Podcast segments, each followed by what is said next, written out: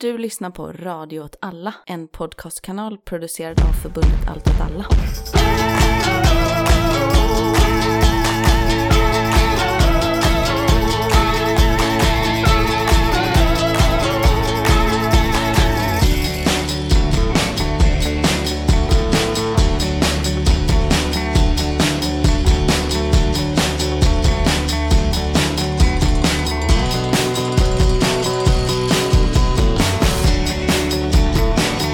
Hej, välkommen till Rörelse.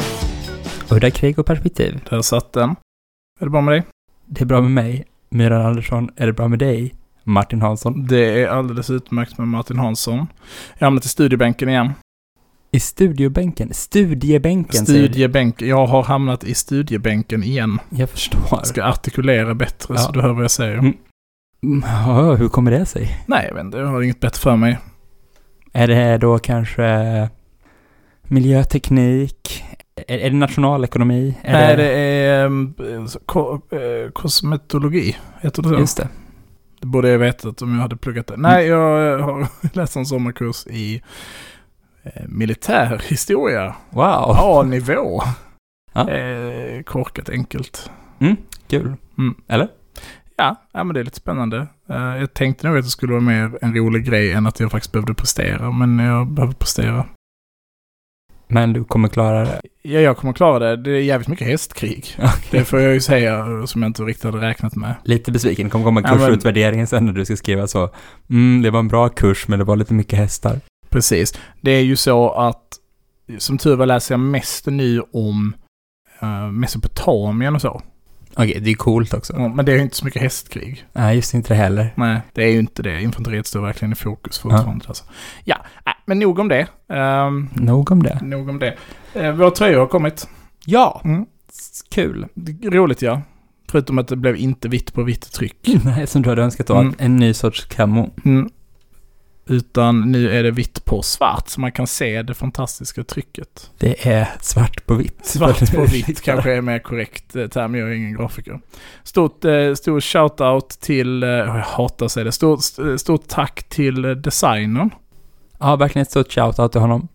Som man kan lyssna på i podden Rekreation bland annat. Just det, Kalle. Och välkommen till Malmö. Ja, de, de går åt som smör i solsken man, eh, det finns ju en frågeställning som är, har, har zebran svarta eller vita ränder? Och då är svaret att de har vita ränder. För att evolutionärt sett så var de svarta först och sen så kom de vita. Apropå svart på vitt. Mm. Eh, ja, eh, eh, det är väldigt fint, fina tröjor. De går åt, man får jättegärna köpa.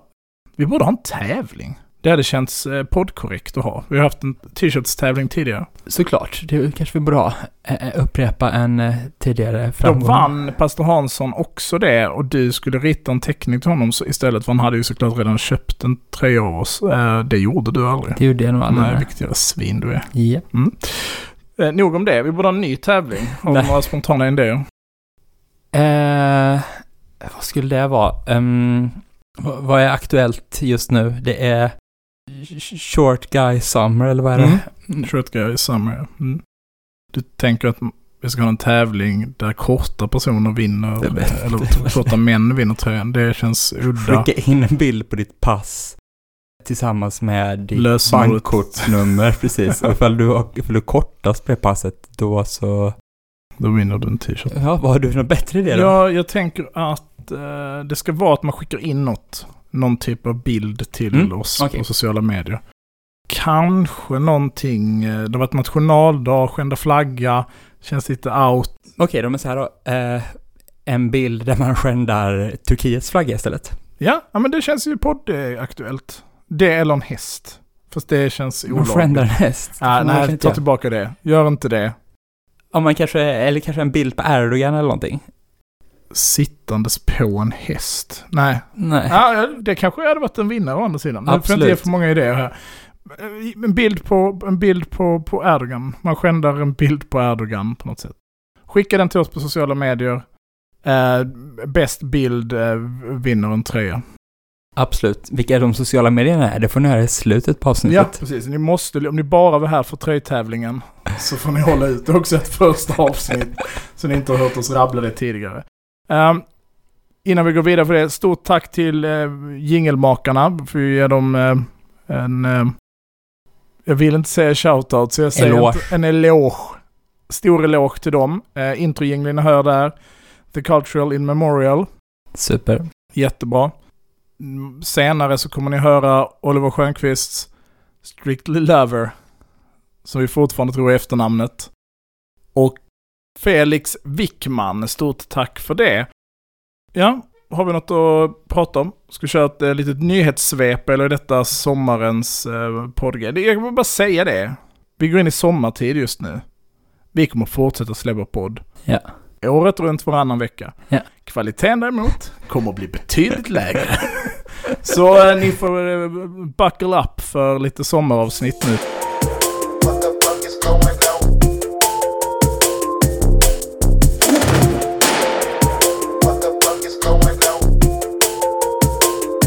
Ja, eh, vad har vi som händer i veckan? Vi har eh, den här grejen med att Sverige styrs av PKK. Mm. Mm. Man blir inte yngre liksom. Vid något tillfälle så kommer man vara så gammal att eh, någon yngre förmåga kommer liksom frågan så här.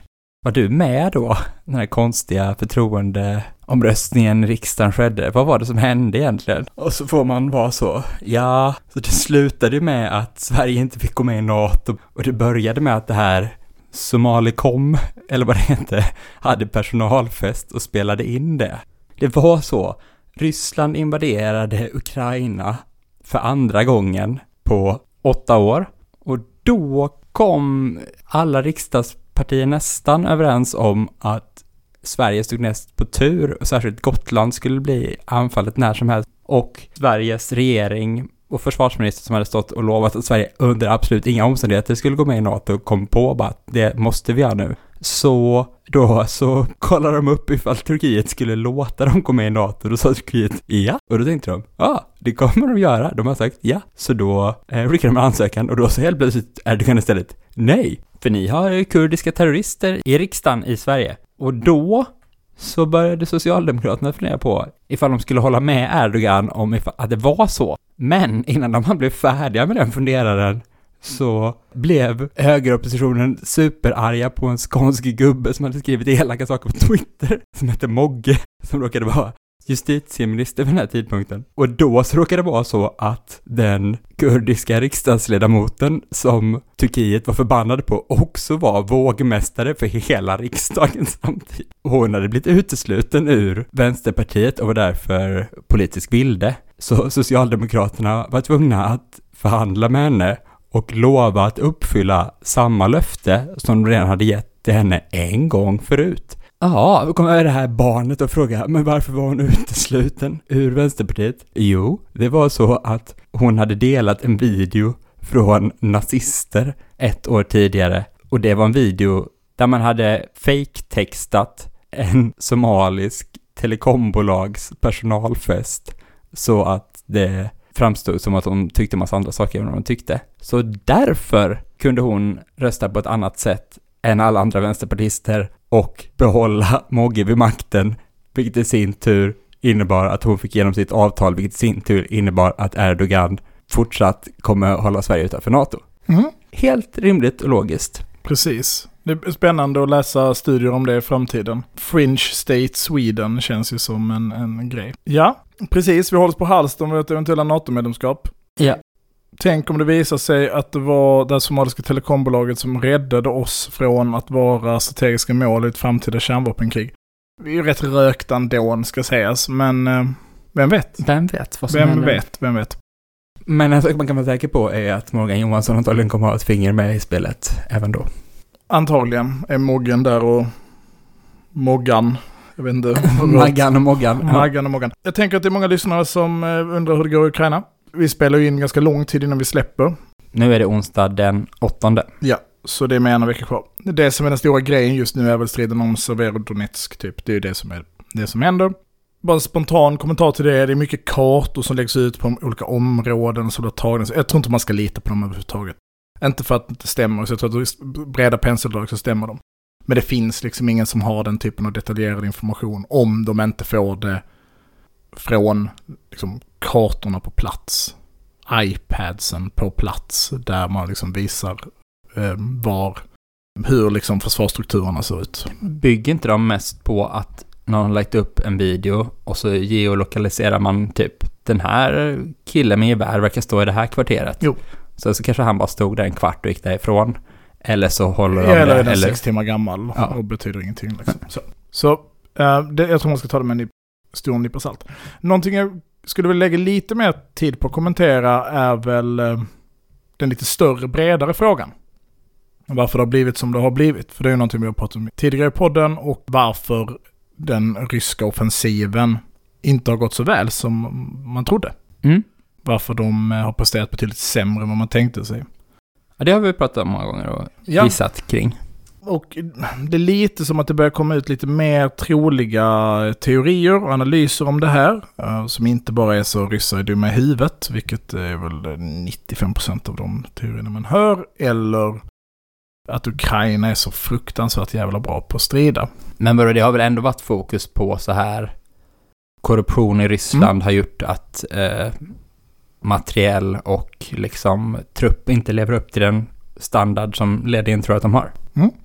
Och det tror jag såklart spelar en viss del i utfallet.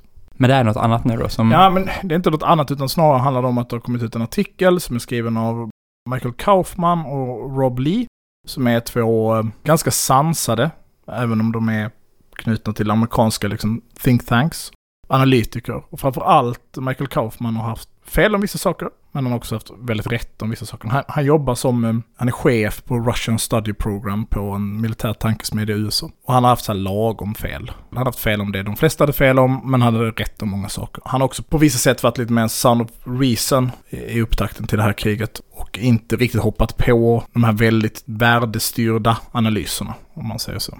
Och i enkelhet så är den här artikeln som jag då läste för någon dag sedan, som heter Not Built for Purpose. Den heter lite mer saker, men eh, liksom huvudrubriken Mm. som då behandlar vad det var som gick fel. Och de lägger liksom fram en teori om det initiala misslyckandet med eh, offensiven. Helt enkelt grundar sig på brist på ryskt infanteri. Och det här har då i sin bakgrund den omstrukturering som har skett i Ryssland och större delen av världen ungefär samtidigt, alltså så även i Sverige. Alltså den här processen från värnplikt till någon typ av professionaliserad armé. Och i Rysslands fall då att de har gjort om sin struktur till de här BTG-grupperna Ja, också. de hänger liksom inte ihop. Vi kan komma till dem, Mm. men de är snarare ett, ett resultat av den processen Okej. än grunden för processen i sig. Ryssland och då liksom i förlängningen Sovjetunionen förlitade sig, precis som de flesta krigsmakter under kalla kriget, tungt på värnpliktiga. Och Ryssland framför allt väldigt tungt på värnpliktiga. Man hade volontärer, så, så kallade volontärer, så frivilliga soldater som mer var liksom yrkessoldater. Man hade ju officerare och högre officerare så- som så självklart var avlönade. Men man hade liksom en tung tillit till de här värnpliktiga. Man hade också väldigt mycket värnpliktiga. Man tränade flera miljoner sådana här och de var placerade i förband i ungefär två år tror jag och sen sorterades de ut och så höll det på så två gånger per år så tog man in nya rekryter. 2008 till 2012, alltså i samband med Georgien, så påbörjar man den här omstruktureringen. Man, eh, man genomförde en massa reformer som var kopplade till krigsmakten, man skalade ner och man ville sätta upp en, en mindre professionaliserad försvarsmakt, men också en sån med en högre beredskap. Så man vill liksom ganska likt insatsförsvaret på många sätt. Man vill liksom förutom få ut en kärna med ganska med, med trupper med, med förmågan att mobilisera snabbt och, och, och skickas till olika ställen. Den här blev ganska impopulär av många olika anledningar, men framför allt så handlade det väl om att många som jobbade inom Försvarsmakten förlorade, alltså förlorade jobben i samband med det här. För att man skalade ju ner liksom en gigantisk eh, institution i Ryssland. Men man drar också analysen när man stannar det här projektet eh, 2013. Att den försvarsmakten man bygger upp, den är liksom för liten egentligen för att kunna hantera en storskalig konflikt, konventionellt krig då men likvärdig eller mäktigare fiende. Och det här är egentligen bakgrunden till det som föds idag. Alltså att de försöker kompromissa mellan de här två världarna. Man försöker både ha en professionaliserad krigsmakt med hög beredskap och så vidare, och så kombinerar man det med värnpliktiga. Och det är det här som egentligen är de här bataljonsstridsgrupperna, de här BTG-erna, som vi har ju babblat massor om, men det är de här manöverstridsgrupperna som ska snabbt kunna sättas upp för strid. De tas ur regementen eller brigader. Och det är lite man kan sätta ihop det man för tillfället har och sen så ska en brigad eller ett regemente, låt säga att det är 3500 till 4500 personer i ett regemente eller en brigad. Man ska kunna plocka ur den och så ska man kunna få ut ett manöverförband som ska kunna strida självständigt med runt 1000 man. Och helst ska man kunna få ut två bataljonsstridsgrupper och en brigad. Och de här ska kunna strida självständigt som sagt, man ska ha, liksom, de ska ha artilleri, de ska ha lite luftvärn och lite sjukvård och sen ska de fritt kunna manövrera på slagfältet. De här brigaderna och regementena, de beräknas att under fredstid ha ungefär 70% till 90% i bemanning. Mer närmare 70% i praktiken.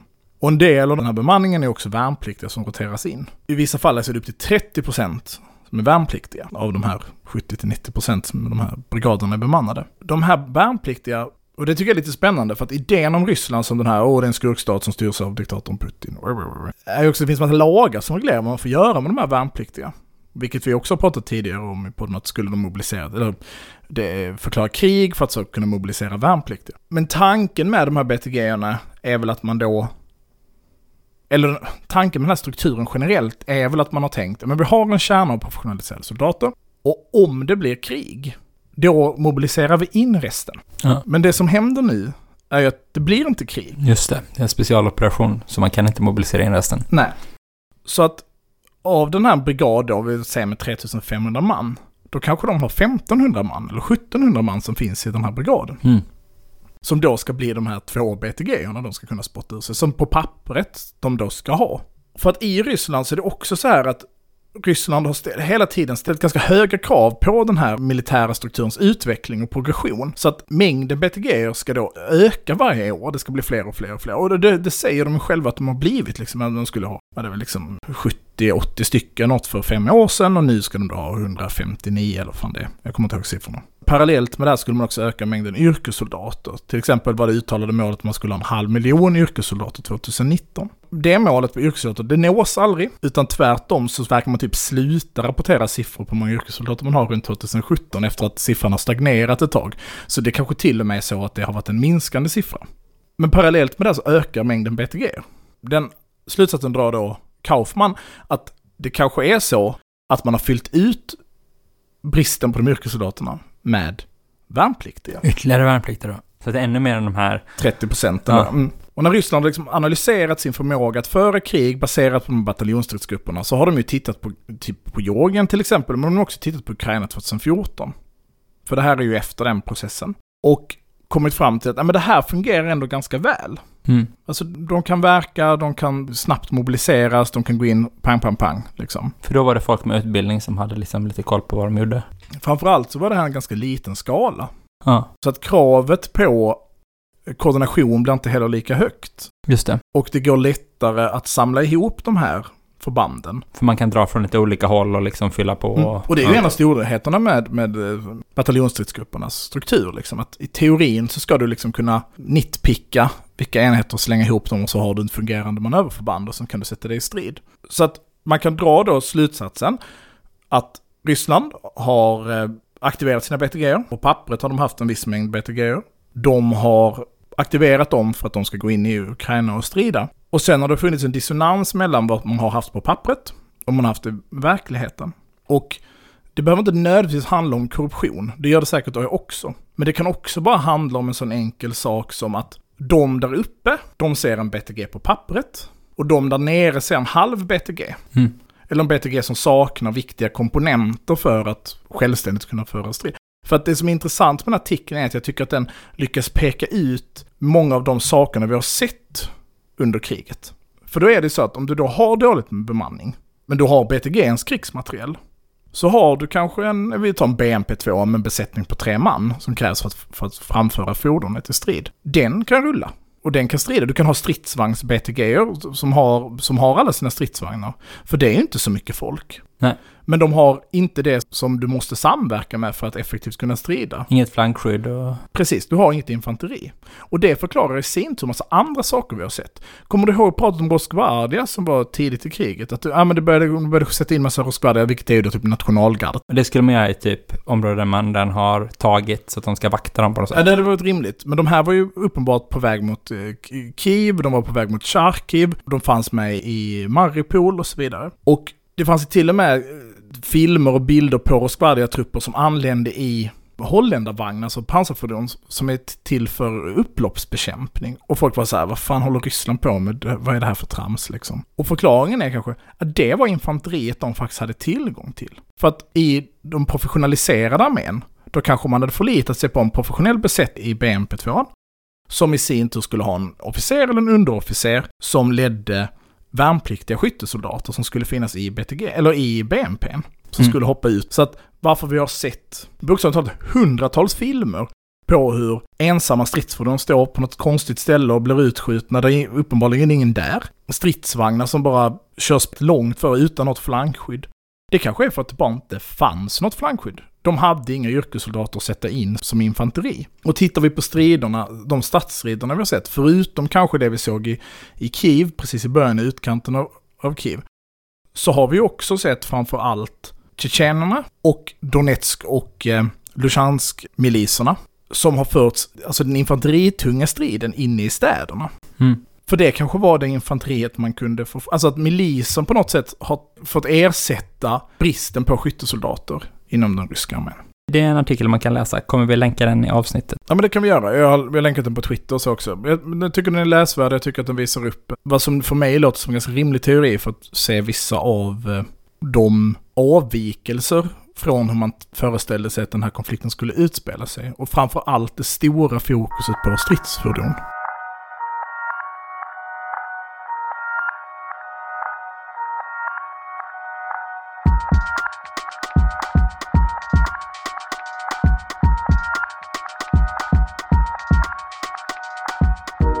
Det är ju du som har förberett avsnittet för idag. Huvudämnet för, för avsnittet idag. Det stämmer för en gångs skull. Jag tycker Det stämmer. det stämmer, ja. för en gångs skull. Jag vet bara så mycket som att du vill prata om Sydkinesiska sjön på något Ja, sätt. du vill inte ens säga vad ämnet är? Ja, det tycker jag är rimligt. Jag vet att du är ovan vid att presentera huvudämnena för avsnitten. Ja, men precis. Ämnet för dagen. Um, Vad dålig du är. ja, men jag måste komma på vad den här rapporten heter. Jag ska söka. OI 5194. Ja, ämnet för dagen är sjömakt i indopacifistisk... Hur fan säger man det? Inte pacifiska. Pacifiska. Huvudämnet för dagen är sjömakt i indopacifiska regionen. Indiska pacifisters sjömakt. Är det det vi ska prata om idag? Det är för extremt smalt ämne du har... eh, Varför säger man inte Stilla havet? Indostilla havet. vem är det som Ja. skrivit rapporten? Det är FOI, Ja. Totalförsvarets forskningsinstitut. Mm. Jag kan tänka mig att de försöker vara viktig, riktiga viktig-Petra när de skrev den rubriken. Om ni hör, om ni lyssnar på det här, vilket jag antar att ni gör, så ska ni veta det. Enklare rapportnamn. Just det. Samuel och, eh, vad fan den andra hette nu? Jonas, tror jag Samuel och. Jonas, vi får pinga in er när vi är avsnittsläppet. Har du tips på andra rubriker? Båtar runt Kina. Ja, men det är bra. Okej, vad är det för rapport? Vad handlar den om? Eller nu vet jag ju att, vad den handlar om för du sa rubriken. Inte om indiska pacifister.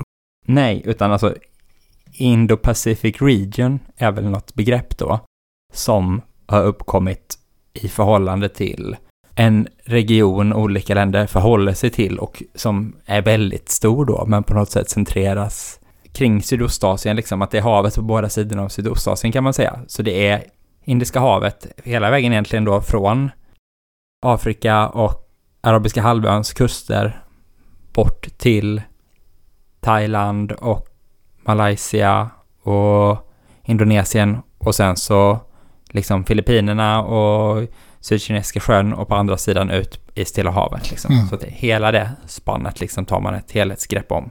Och de säger väl lite att typ var begreppet nu kommer ifrån, men att det har börjat användas av vissa stater. Men av flera av de här staterna som de undersöker i den här rapporten då så använder de själva inte begreppet, men de har liksom suttit och utläsa deras policydokument och sånt som ändå berör det här området liksom. Och de menar väl någonstans på att det finns ett tänkande kring det här som en enhet generellt liksom bland de aktuella länderna. Och rapporten är helt enkelt en sammanfattning av fyra länders eh, flottor i, i det här området. Och då är det Indien, Kina, Japan och Ryssland som är med i rapporten. det är inte en heltäckande bild riktigt av allt som händer för att det saknas i vissa spelare då, kan du komma på. Australien till exempel känns ju väldigt frånvarande i den. eh, Mm, det får man säga.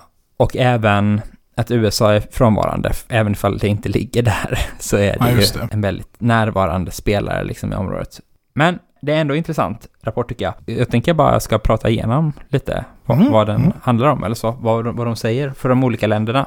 Vi kanske ska börja med att ändå sätta scenen lite mer för det här området i världen då. Och man får väl säga att det står ju liksom inte så här, det här är en rapport om Kinas expansion och hur alla andra förhåller sig till det, men det blir ju lite det, för det är ju det som är det centrala på något sätt. Det är det som händer, Kinas tillväxt som militärmakt. Man kanske tänker sig att på något sätt Indiska oceanen och Stilla havet hänger ihop eller så, och det gör de ju såklart, men de är ändå ganska avskurna från varandra. I och med Indonesien och Malaysia går ju liksom ut och möter varandra och bildar en barriär. Så passage från liksom Indiska oceanen generellt, men framförallt då Sydkinesiska sjön och Östkinesiska havet och så, till Indiska oceanen går ju i väldigt hög grad genom vissa sund då. Och för Kinas del så är de ju på något sätt instängda kan man säga, genom olika ökedjor så som de japanska öarna ner till Taiwan och sen så mellan Taiwan och Filippinerna så ligger det liksom ett gäng öar och sen så är det ju hela Sydkinesiska havet som är inringat av Filippinerna, Indonesien, Malaysia, Thailand och Vietnam liksom upp mot Kina. Och ja, för att komma ut sen då på det hållet så är det ju då Malackasundet förbi Singapore som är liksom den stora choke pointen liksom. Det spelar ju roll för flottorna liksom ifall de ska segla ut från Kina så måste de passera alla de här andra länderna och deras öar så där har de liksom någon förmåga att stoppa dem helt enkelt för utpassage. Men i ett mer vardagligt perspektiv så spelar det också roll för att all handel måste ju gå genom de här ökedjorna, framför allt och genom kanske Malackasundet. Som ett exempel kan man ju säga att 20% av all oljeproduktion i hela världen passerar per båt genom Malackasundet. Kina importerar ju mycket mer olja och gas och så än vad de producerar, så de är väldigt beroende av det. Och på samma sätt så kinesisk export då som ska inte gå till Amerika men ska gå till Afrika och Europa och liksom Indien och allt sånt måste ju också passera därigenom. Så i perspektivet att liksom Kina växer som militärmakt, ja, men det gör de ju för att de växer som ekonomisk makt och produktionscenter också, så är det helt beroende av liksom de här eh, sunden och passagerna och att säkra liksom sjöfartsvägar, sjöhandelsvägar. Ober då? Eller liksom, pratar de rapporten om det? Kinas försök att lite bygga sig runt det problemet. Att de är så bundna till havet eftersom att de upplever att det är Alltså ett... One Belt One Road Precis. initiativ. Ja, absolut. Det, det rör det lite. Det är inte jättestort fokus på det. Men jag vet inte ifall det är, är det verkligen ett försök att bygga sig runt det, säger du? Även den maritima silkesvägen pratar man väl om, som snarare en expansion av de handelslederna. Ja, men det handlar ju om att korta sjövägarna. Alltså till exempel att de vill skeppa ut från Baluchistan istället för att eh, göra det från eh, Hongkong-regionen. Mm, jag tror att det finns många olika aspekter, men jag tror bara att man kanske inte måste se det som det ena istället för det andra, utan att det också handlar om att säkra de här sjövägarna för Kinas del. Är också kopplat till One Belt, One Road-projektet liksom. Okej, men ifall det är liksom eh, på något sätt en grundfaktor här, en, en utgångspunkt, det här liksom fysiska, geografiska läget sätter liksom förutsättningarna, så kan vi gå in till det de rapporterar om liksom land för land. Och ifall man ska börja då med Indien, som kanske är den man spontant har minst koll på av de här, så säger de att Indien, precis som Kina, har liksom en växande ambition i hela den här regionen. Och kanske, för dem är det ju då viktigare med Arabiska gulfen och så, de ligger ju där de ligger liksom, de ligger närmare den delen av det här området. Men till skillnad från Kina så har ju de inte lika bra ekonomisk utveckling och de har inte en särskilt eh, effektiv eh, varvsindustri och så. Och det är mycket som har inte funkat som de vill. Man kan också säga på något sätt att Indiens liksom strategi verkar mycket vara att samarbeta med alla utom Kina. De har ju till exempel ett samarbete som heter Quads, Quad, något sånt. Ja, som du kan läsa om i en artikel i Flamman ganska snart skulle jag tro.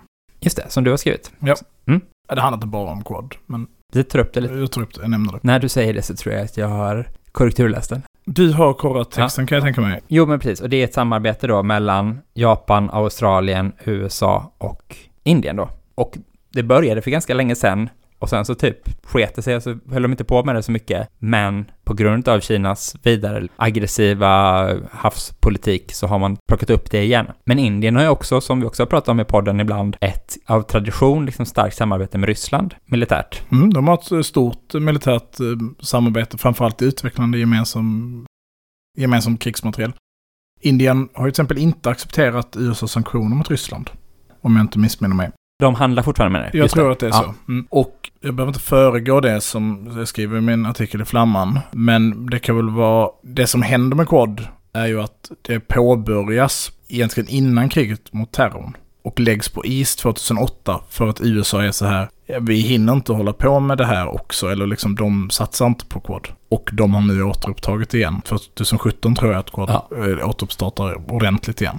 Och bjudit in Vietnam bland annat, vilket är väldigt spännande. Sydkorea och jag är inte säker på om det är Taiwan eller vem det är. Det har jag kanske svårt att tänka mig. Ja, och Indien har också andra samarbeten som att de har liksom enskilda samarbeten med Storbritannien och med Frankrike och med övriga länder. Och de har ju liksom någon idé om att de eftersträvar en multipolär värld liksom generellt så och att de ska ha multi-alignment som sin liksom utrikespolitiska strategi. Indien har ökat sitt eh, tonnage, som man säger, alltså hur mycket, hur mycket alla deras stridsbåtar väger tillsammans. Stridsbåtar säger man inte, hur alla deras eh, Örlogsfartyg. ja, örlogsfartyg väger tillsammans ökade från 153 000 ton år 2000 till 240 000 ton 2020. Så det är nästan 60 procent. Och antalet robotar som får plats på de här fartygen ökade från 400 till 800, så det är en fördubbling. Och så gör de en förutsägelse från 2020 till 2030 och då ser de att ja, det kommer öka ytterligare då från de här 240 till 390 000 ton. Och robotkapaciteten kommer öka från de här 880 till 1300 liksom. Så det fortsätter ju uppåt där på något sätt. Men ja, de har olika ekonomiska och liksom industriella hinder för att lyckas med den här rustningen och ambitionen de har. Någonstans finns ju också den här landkonflikten mellan Indien, Pakistan och med Kina och så som gör att de kanske måste ha också ett splittrat fokus liksom på vad de lägger resurser på. Okej, Indien, det är inte superspännande. Man kan gå vidare till Japan. Japan är lite kan man säga tvärtom som Indien. Ifall Indien ville liksom bli en stor sjömakt och viktig men inte har riktigt ekonomiska och industriella kapaciteter till det, så har Japan ju väldigt utvecklade ekonomiska och industriella kapaciteter, men de vill inte. Eller hur? Och de testade ju en gång. Precis. Och det, det blev inget bra. Nej, vad hände då? Då fick de en konstitution som säger vi är ett pacifistiskt land, eller hur? Mm. Och i praktiken så innebär det att de har en lag på att de får liksom inte bedriva krig mot någon annan eller så. De får bara försvara sig själva. Och så är det på något sätt att den här konstitutionen kan tolkas lite. Det finns lite ut- tolkningsutrymme och under kalla kriget så var det nog till och med så att tolkningen innebar att ifall Japan blir anfallet och någon allierad vill försvara dem så får de inte koordinera sitt stridande med USA då, som det skulle handla om, utan då fick de som slåss var och en för sig mot den som angrep Japan. Så mycket fick de inte kriga alls, liksom, enligt sina egna lagar så. Eller de lagar de var tvungna att införa när USA sa nu gör vi så här när ni har förlorat andra världskriget. Ja, men det håller ju lite på att luckras upp då, på olika sätt. Vid något tillfälle har till och med Japans premiärminister, han Abe tror jag, som liksom sa jo men vi får ju hålla på i självförsvar. Och ifall man tänker sig att Kina skulle anfalla Taiwan, då blir det, det känns ju typ som ett existentiellt hot mot oss också. Så vore det självförsvar för oss att försvara Taiwan mot Kina. Så det antyder ju lite att, att man har börjat släppa lite på det där. Och det finns ju också sådana saker då som att de liksom får inte ha vissa typer av av stridsfartyg, precis som de inte får ha andra, vissa andra liksom system. Och ett utav dem är väl att de inte får ha hangarfartyg, men de får ha liksom helikopterfartyg för att jaga ubåtar, för det är som en försvarsgrej då, att man får försvara sig mot ubåtar. Men nu har de liksom gjort om de här, eller i alla fall de har börjat med att göra om ett av de här eh, helikopterhangarfartygen, så det också kan ta F-35 flygplan just, som ju kan göra den här, den här varianten som kan göra vertikal landning. Men då liksom kallar man inte det för hangarfartyg heller, utan man säger att det är, man klassificerar det fortfarande som något annat och därför kan man ha det liksom. Men det är på något sätt deras eh, status här då. De kan men vill inte riktigt. Okej, och då kan vi gå till eh, Ryssland istället. Och den här rapporten är ju släppt 2021, så det blir ju lite speciellt perspektiv liksom med tanke på att kriget i Ukraina som det är nu har inte hunnit ske riktigt vid den här tidpunkten. Så de pratar mycket om typ, och det är spännande egentligen att Rysslands liksom, ja man kan ju säga från början, först då att Rysslands förmåga i det här området var ju hög på 80-talet liksom, men har ju kraftigt minskat sedan dess och ett stort problem är att de inte har riktigt några egna baser och några egna landområden, så de kan liksom inte landa skepp för att, för att fylla på Förnödenheter. förnödenheter och bränsle och så. De hade ju en bas i Vietnam fram till kanske 2000 eller sånt här, men den fick de släppa. Så mycket av deras politik verkar handla om att liksom knyta mycket kontakter.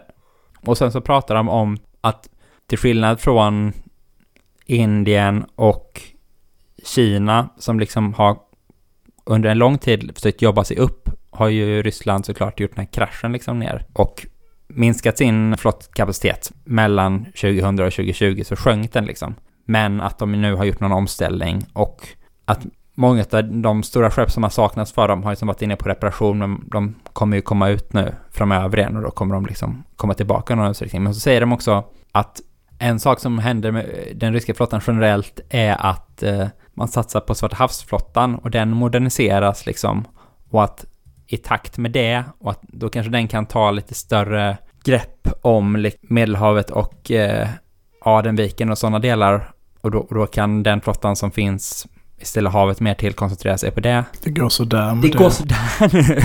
det, Det här med facit på hand, det går sådär. det här med... Ja, då blir de båtarna fler där, då kan, men de blir färre för att nu ligger Moskva på havets botten Mm. istället liksom. Så ja, det hade varit spännande att se liksom hur man tänker kring den biten även efter det här. Men det är såklart att i stora drag så måste det såklart eh, ligga kvar liksom, att deras eh, flotta kommer igen. Mm. Kina sist då. Mm. Det är egentligen det mest spännande här. Man vill ju höra, upp hur lite. går det egentligen? Ja, men det går ändå bra alltså. Det, det är min bild av att läsa den här rapporten, att vi kan ju jämföra lite där med Indien då, de där siffrorna jag sa förut på Indien. Det är ett återkommande tema i podden. Att vi hånar Indien för sin bristande ekonomiska utveckling. Haha, ni har inga pengar. Konstigt. Jättekonstigt. Jag har ju verkligen inget emot Indien så... Är inte folk med lite pengar heller så alltså. Ah, ah, Alltså vadå, ingenting emot Indien? De, de har väl typ någon sorts semifascistisk... jo, jo, men inte alla styrelse. delstater. Nej, krall gillar man ju. Ja, men precis. Och sen har de ju också en fan, fantastiskt eh, kök. Just det. Mm.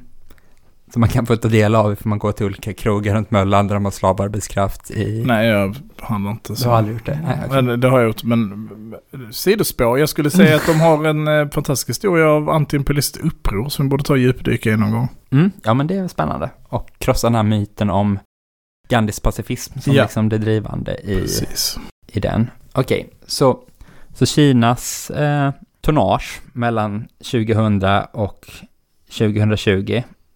Mellan 2000 och 2020. Ja, vad gissar du? Jag gissar att det har ökat med, alltså okej, 20 år Du minns att Indien, hade ökat med 60 procent. Ja. Jag, jag skulle gissa att Kina har ökat med 480 procent. nej inte riktigt, för att det har gått från 326 ton till 953 ton. Men det är ju liksom Ton. 1000 ton alltså. Ja. Jävla fattigt det tar ju Sverige. Vad fan sitter de och bölar över Kina? Tusentals ton snackar vi. Okej, Ja, mm. ja. Och du minns kanske att Indien hade fördubblat sin robotkapacitet. Mm.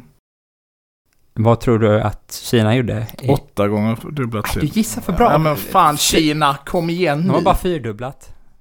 Fan vad weak. Bara, Nej, bara... Jag håller på Indien. Nej, okej. Från 800 robotkapaciteter, jag vet inte hur man säger, 800 robotrör på sina båtar till, Salvpjäser. Jag vet inte vad vi ska kalla det. Nej. Det beror på vad de- Det är robotar alltså. alltså det, de, jag antar att de har mer, ja precis robotar, för de har ju mer robotar i lager, men, men plats var- de på... har- De har åtta gånger så många robotar som de hade i 20. Men vad fan, det kan ju inte stämma. Okej, jag ska inte ifrågasätta. FOI, det är väl ändå liksom erkänt att vara en av världens bästa underrättelseorganisationer. Det är ingen underrättelseorganisation. Det är analys, geopolitiska analyser. Jag vet inte om man säger vad de är. Skitsamma. Institut för geopolitisk natur, Ja, den bästa ja, ja okej. Whatever. Men har liksom inte Kina så här skaffat flera hangarfartyg under de här 22 åren? Jo. Eller Från att ha haft noll, till två i dagsläget. Ett tredje på väg ut strax nästa år, kanske. kanske. Men det får ju inte plats jättemånga robotramper på ett Nej, men det är väl hangarfartyg. tonnagen jag tänker på. Jaha, men vadå?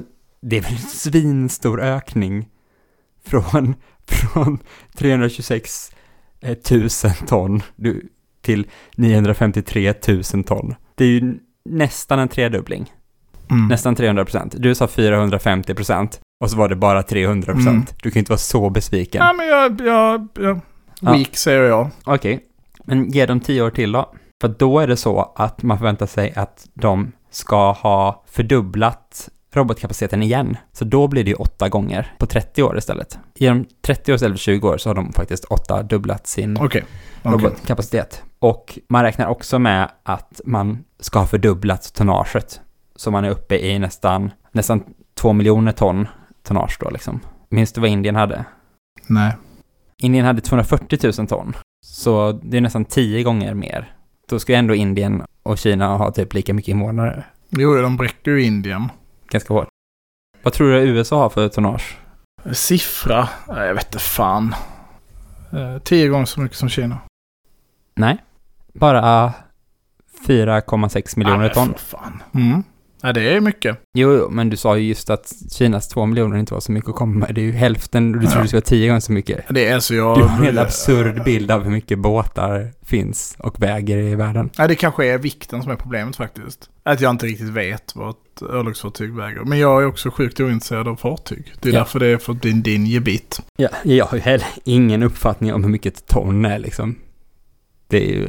Du har ingen uppfattning om hur mycket ton är? Okej, jag har en uppfattning. Två hästar.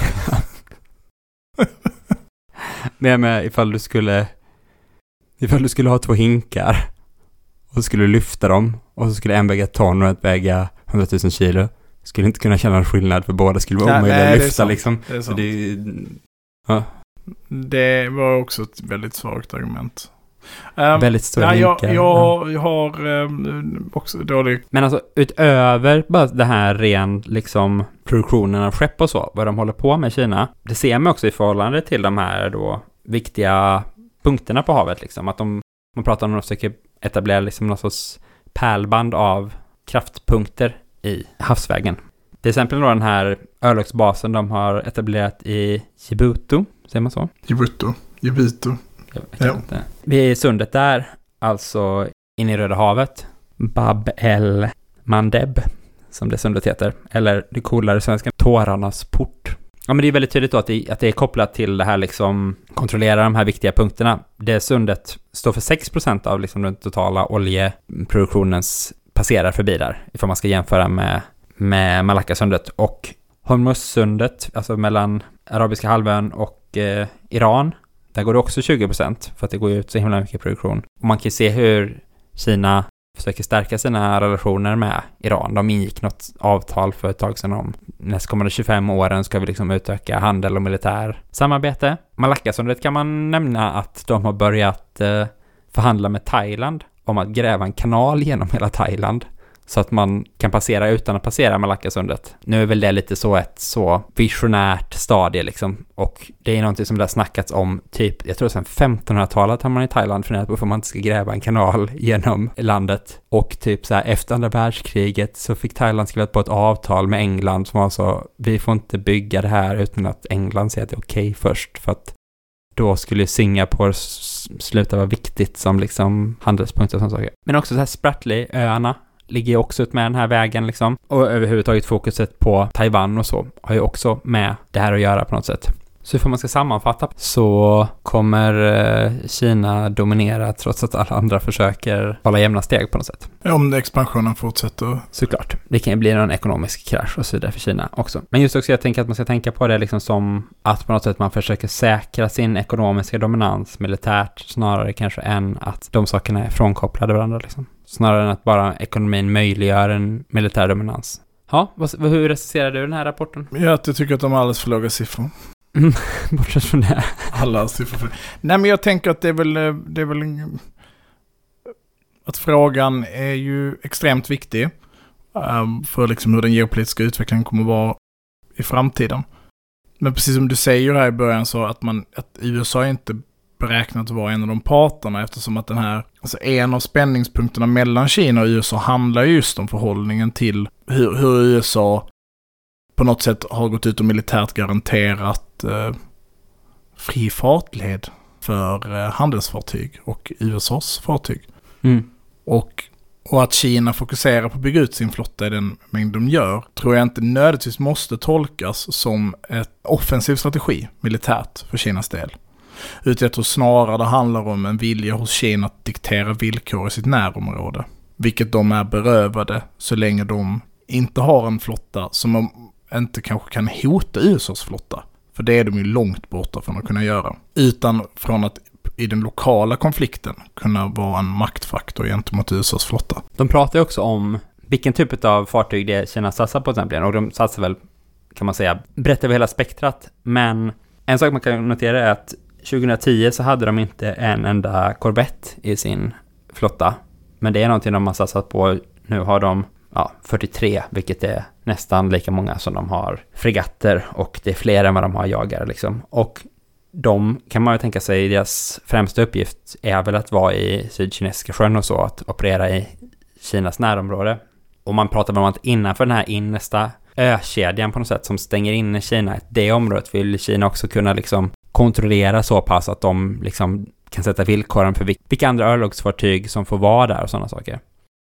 Men det innebär ju också att ifall de har, de, ifall de har skaffat eh, korvetter som kan göra det, då kan de på något sätt frigöra sina fregatter och jagare att röra sig längre bort, liksom, att projicera makt i andra delar av världshaven. Generellt kan man ju säga att eh, de pratar också om så här, Kinas teknikutveckling och så, att de är kanske inte i framkant, allra längst i framkant på att liksom ha samma teknik då som de västländerna och så för sina fartyg. Men eftersom de är så himla snabba på att liksom uppdatera sig mot den nya utvecklingen hela tiden så är inte det kanske det största problemet för dem. Och sen så på nischade system som till exempel en robotsystem då, där kanske de är i framkant på ja, vissa typer och så. Ja, nu behöver vi avrunda, men vi har ju definitivt anledning att återkomma till det här ämnet. Um, inte minst att utforska geopolitikens maritima delar, om man säger så. För det känns som att det är ett ganska blint fält för mig. Ja, man kan säga lite den här rapporten var någonting jag läste i den. Dels så var det att de sa samma sak flera gånger tyckte jag. Först fick man en inledning där de sa att vi kommer att prata om det här. Sen så hade de olika kapitel om länder där de pratade om varje land. Sen så hade de en sammanfattning där de egentligen bara i kort form sa vad de hade sagt om alla länder en gång till. Men då slipper ju ni läsa den i alla fall, kära lyssnare. Men det är inte så mycket slutsats och liksom, de laborerar liksom inte så mycket med det material de har samlat ihop, utan de, de bara sammanställer. Men det kan ju vara en bra grund för att vi har fått en idé om materialet här nu och i ett annat avsnitt så kan vi kanske försöka laborera lite med tankar kring hur man ska liksom tänka ett längre perspektiv och vilka strategier man kan se och i vilka andra sammanhang man kan se att de strategierna får liksom genomslag på andra områden och kan förklara varför de här länderna gör som de gör i olika frågor och så. Så ja, jag hoppas också vi kan återvända.